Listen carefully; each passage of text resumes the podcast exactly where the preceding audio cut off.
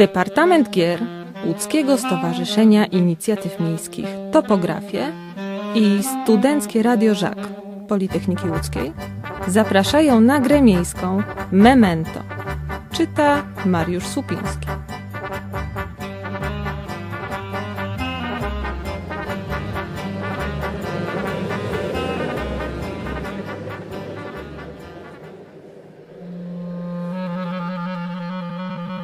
Odcinek czwarty. Szósty w zespole. Witam, drogie panie. Pierwszy przerwał ciszę Leon, chyląc się ku kobietom, jednocześnie zdejmując z głowy mokry od deszczu mechaty kapelusz. Nie wszyscy się tu znamy, więc przedstawię was sobie nawzajem. Prezydent Marian Cynarski, pseudonim Zadra, Władysław Strzemiński, Siwy. Ja jestem Leon Niemczyk, lecz proszę posługiwać się kryptonimem Urwis albo po prostu Leon. Panowie, przedstawiam wam Łasicę, Jadwigę Andrzejewską i Katarzynę Kobro, Kobrę.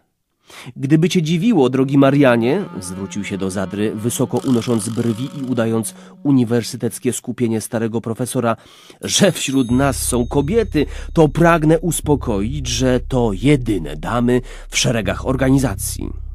Choć patrząc na to obiektywnie muszę przyznać, że ich zaangażowanie w działalność konspiracyjną często przewyższało niektórych kolegów. Pozwolicie, że nazwisk nie wymienię. Przywitali się. Cynarski ucałował z szacunkiem kobiety w grzbiet dłoni. Andrzejewska uśmiechnęła się do mężczyzn szeroko, prezentując gamę perłowych, równiutkich zębów. Kobro ani na chwilę nie dała się ponieść dość luźnej atmosferze, jaka zapanowała. Nie spojrzała też na Strzemińskiego, kiedy się witali. Jej wzrok był utkwiony na Cynarskim. Obserwowała go bacznie, odkąd dołączyły do grupy. Usta miała zaciśnięte, bez śladu uśmiechu. Rozumiem, że jesteśmy już w komplecie. Czy to nie czas, żeby znaleźć jakieś miejsce, gdzie moglibyśmy porozmawiać, a gdzie nikt by nam nie przeszkadzał? Zapytała Łasica, w której głosie dało się wyczuć akcent znany z przedwojennych filmów. Nie jesteśmy w komplecie, ale obawiam się, że nie możemy liczyć na ostatniego sprawiedliwego. Jego mogiła na tym cmentarzu jest wyłącznie symboliczna, więc może nie dotrzeć. Nie trzeba nam szukać miejsca, moja pani, zwrócił się ciepłym, choć nieco smętnym głosem Leon. Mamy do dyspozycji całą kamienicę. Zapraszam za mną. To niespełna 30 minut marszu. Uśmiechnął się czarująco, wziął pod rękę panią Jadwigę i ruszyli przodem.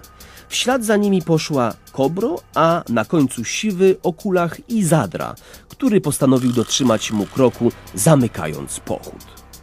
Deszcz powoli ustawał. Mokre kamienie bruku odbijały żółte światło latarni usytuowanych wzdłuż ulicy cmentarnej. Słychać było tylko opadające z drzew ciężkie krople deszczu i stukot obcasów. Ulica była ponura i ciemna. Nie zamieszkała przez nikogo. Pachniało majem i mokrą ziemią. W oddali było słychać szczekanie psów. Minęli zakład kamieniarski, puste działki i magazyny, których ogrodzenia sugerowały raczej, że to porzucone baraki, aniżeli funkcjonujące zakłady. Wtem za ich plecami usłyszeli syk, potem głośny warkot pomieszany ze zgrzytem metalu. Wyrywani z kompletnej ciszy odwrócili się nagle, a ich oczom ukazały się dwa jaskrawe ślepia z rykiem zmierzające w ich stronę. Leon przeciągnął kobiety na trotuar, siwy z zadrą też zdążyli zejść z torowiska, kiedy minął ich rozpędzony tramwaj, zatrzymując się kilkanaście metrów przed nimi na przystanku u zbiegu cmentarnej z ulicą Legionów. Za moich czasów jeździł tędy tramwaj numer 3. Siódemka, o ile dobrze pamiętam, dzielną i tramwajową. Odezwał się Zadra z lekkim uśmiechem, przerywając ciszę. Ponadto nie jeździł tak szybko, gotowy był nas stratować, rzekł, prostując się jakby struna, poprawiając starannie binokle. Motorniczy cię nie widział, zaczął wyjaśniać Leon, przybierając ton mentorski. O ile wiem, widać nas będzie wyłącznie w dziennym świetle. Teraz jesteśmy bezpieczni pod osłoną nocy, ale wraz ze wschodem słońca powinniśmy się ukrywać. W świetle dnia, kontynuował, dostrzegając zainteresowanie wśród swoich towarzyszy, nie widać nas jak każdego zwykłego człowieka, lecz jest to coś na kształt nieprzyjemnej dla oka zjawy. Sugeruję zatem, aby nie testować efektów spotkania z żywymi ludźmi, jeżeli nie chcemy narazić się na przykrość z ich strony. To rzekłszy, zdjął z głowy kapelusz i z odrazą na twarzy wycisnął zeń wodę, strzepnął i ponownie nasunął na czubek głowy. A co do zmian, kontynuował, to jest ich wiele. Są miejsca, jak na przykład ulica Legionów, które nie zmieniły się przez lata, które dzielą nas od czasu, kiedy ostatnio tu byłeś, wyjaśnił. Legionów, domyślam się, że masz na myśli Konstantynowską, uśmiechnął się podejrzliwie Zadra, patrząc w stronę skrzyżowania. Bądź też obrońców Stalingradu, ukłonił się mówiąc to Leon, bo tak też zwano te ulice. Rzecz w tym, że zmieniło się tu na tyle dużo, mój drogi, że nie zawsze odnajdziesz się w miejscu, które pamiętasz. Dajmy na to tętniącą życiem fabrykę z powitą dymem, która obecnie może być ogromnym targiem, skupiskiem restauracji i iluzjonów w jednym. Nasz świat niebawem będzie dla nas bardziej widoczny, ale tylko dla nas, podobnie jak i my jesteśmy widziani dla siebie nawzajem. Ale nie stójmy tutaj. Dojdźmy czym prędzej do miejsca, które będzie nam domem przez najbliższe dni. Tam będziemy mogli spokojnie debatować. Nikt nie powiedział ani słowa. Deszcz na powrót zaczął padać, ruszyli więc spiesznie przed siebie. Skręcili w pańską, a następnie w zieloną, mijając szare, mokre ściany kamienic, ciemne bramy i obdrapane latarnie. Wiatr przybierał na sile. Żadne z nich nie czuło chłodu, ale wiedzieli, że powinno być im dość nieprzyjemnie i chyba ta świadomość kazała im przyspieszyć. Mimo bardzo późnej pory, gdzie niegdzie było słychać rozmowy, krzyki i śmiechy przechodniów. Doszli już niemal do Piotrkowskiej, kiedy dało się słyszeć głos kobry. Poczekajcie, chyba Zadra odłączył się od nas. Wszyscy zwrócili się w stronę spacerowej i ujrzeli go stojącego na rogu ulicy. Siwy przestawił szczudła, zrobił w tył zwrot i pokuśtykał w jego stronę.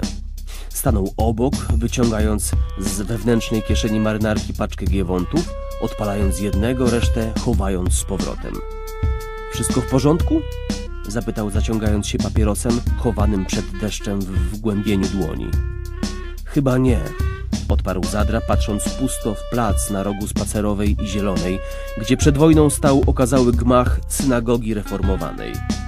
To jedna z wielu rzeczy, które padły ofiarą wojny, rzekł smutno siwy. Ta synagoga podzieliła los niemal stu innych, a w zasadzie wszystkich, które znajdowały się w Łodzi. To trudne tematy. Chodźmy. W wolnej chwili ci opowiem. Położył mu dłoń na ramieniu. A z tego, co usłyszeliśmy od Urwisa, niebawem będziemy poruszali się w naszym świecie, więc cierpliwości. Może jeszcze dane nam będzie oczy nią nacieszyć, powiedział ciepło, a w jego głosie po raz pierwszy dało się wyczuć ton zatroskanego kolegi. Ruszyli w stronę grupy i wszyscy szli ku Piotrkowskiej. Kiedy doszli do rogu, skręcili w prawo, gdy nagle zatrzymał ich ruchem ręki Leon. Jego oczy spięły się w skupieniu. Gdyby było to możliwe, z twarzy odpłynęłaby mu krew. W bramie kamienicy przy Piotrkowskiej 58 stał postawny, krępy mężczyzna w sino-zielonym prochowcu z krótką, lecz zaniedbaną brodą.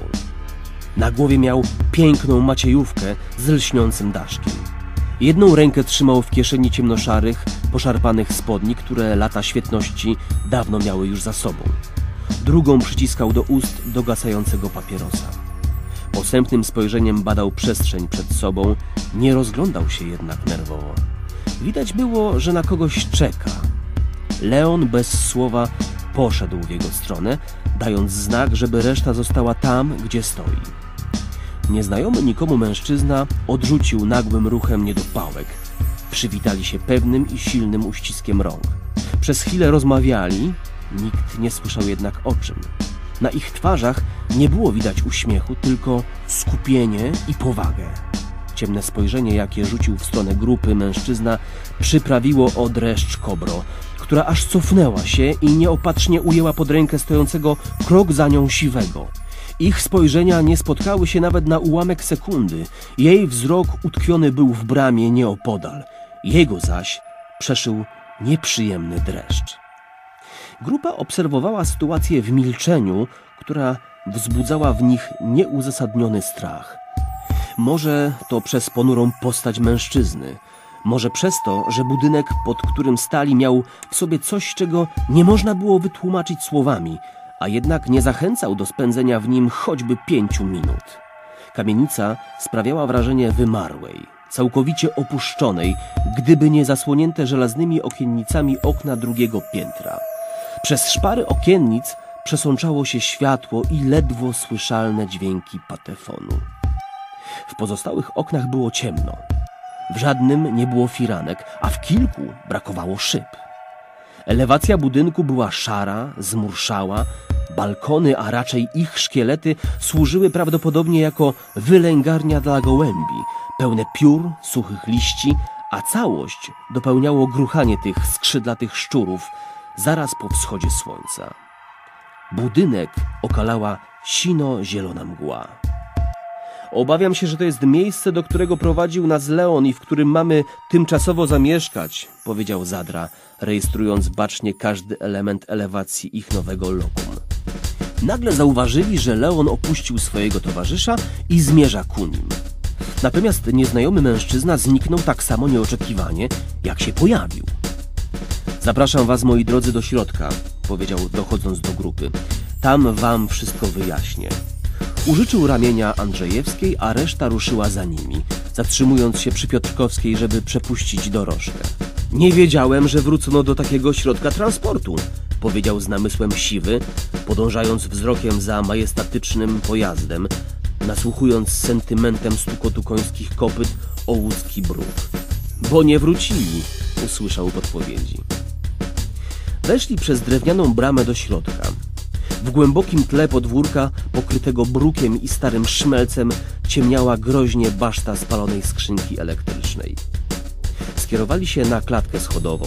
Schody wydawały z siebie dźwięki źle nastrojonej harmonii w rękach zapitego muzykanta. A w powietrzu unosił się zapach grzyba i wilgoci. Na drugim piętrze wkroczyli do salonu przez otwarte rzeźbione drewniane drzwi. Pokój był rozległy. Na przeciwległym końcu od wejścia w kominku tlił się ogień, a po środku stał masywny dębowy stół i sześć krzeseł. Z lewej strony przy ścianie większość miejsca zajmowała obita czerwonym suknem stylowa kanapa, szezlong i dwa fotele, a z tyłu komoda. Widać było, że wszystkie meble wyszły spod ręki tego samego stolarza. Pani Andrzejewska była urzeczona wystrojem wnętrza. Weszła do środka tanecznym krokiem i rozpłynęła się w zachwycie. Reszta przybyłych podziwiała kryształowe żyrandole i puszyste dywany na drewnianych podłogach. Witam państwa, powiedział niskim głosem łysy, postawny mężczyzna, tym razem bez maciejówki na głowie. Ten sam, którego widzieli kilka minut wcześniej pod bramą z Niemczykiem. W zasadzie wszyscy mnie państwo znacie, a ponieważ Leon wytłumaczył mi dość dokładnie, kim jesteście i jaką pełniliście rolę w organizacji, uznaję, że również państwa znam. Dopiero teraz go rozpoznali. Meduza. Wszystkich zmylił zarost, którego nie było na żadnej z fotografii urzędowych. Zawsze gładko ogolony, w białej, wykrochmalonej koszuli i muszce. Dziś miał na sobie postrzępiony płaszcz, dziurawe spodnie i zarost, który był prawdopodobnie wynikiem pobytu na Ansztata w 1939 roku, zanim został stracony. Aleksy Rżewski. Pierwszy prezydent Łodzi w niepodległej Polsce. Wyglądał dostojnie. Ponure spojrzenie ustąpiło miejsca bardziej znajomemu, pełnemu powagi i stanowczości. Mężczyzna prezentował się teraz, mimo nieprzystającemu mu przyodziewku, poważnie i godnie. Grupa operacyjna jest już w komplecie, rzekł Meduza pewnie, kładąc dłoń na ramieniu Leona.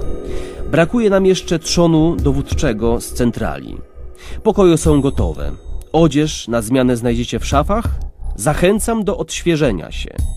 Paniom mówię dobranoc, a z panami chciałbym porozmawiać za dwa kwadranse w gabinecie.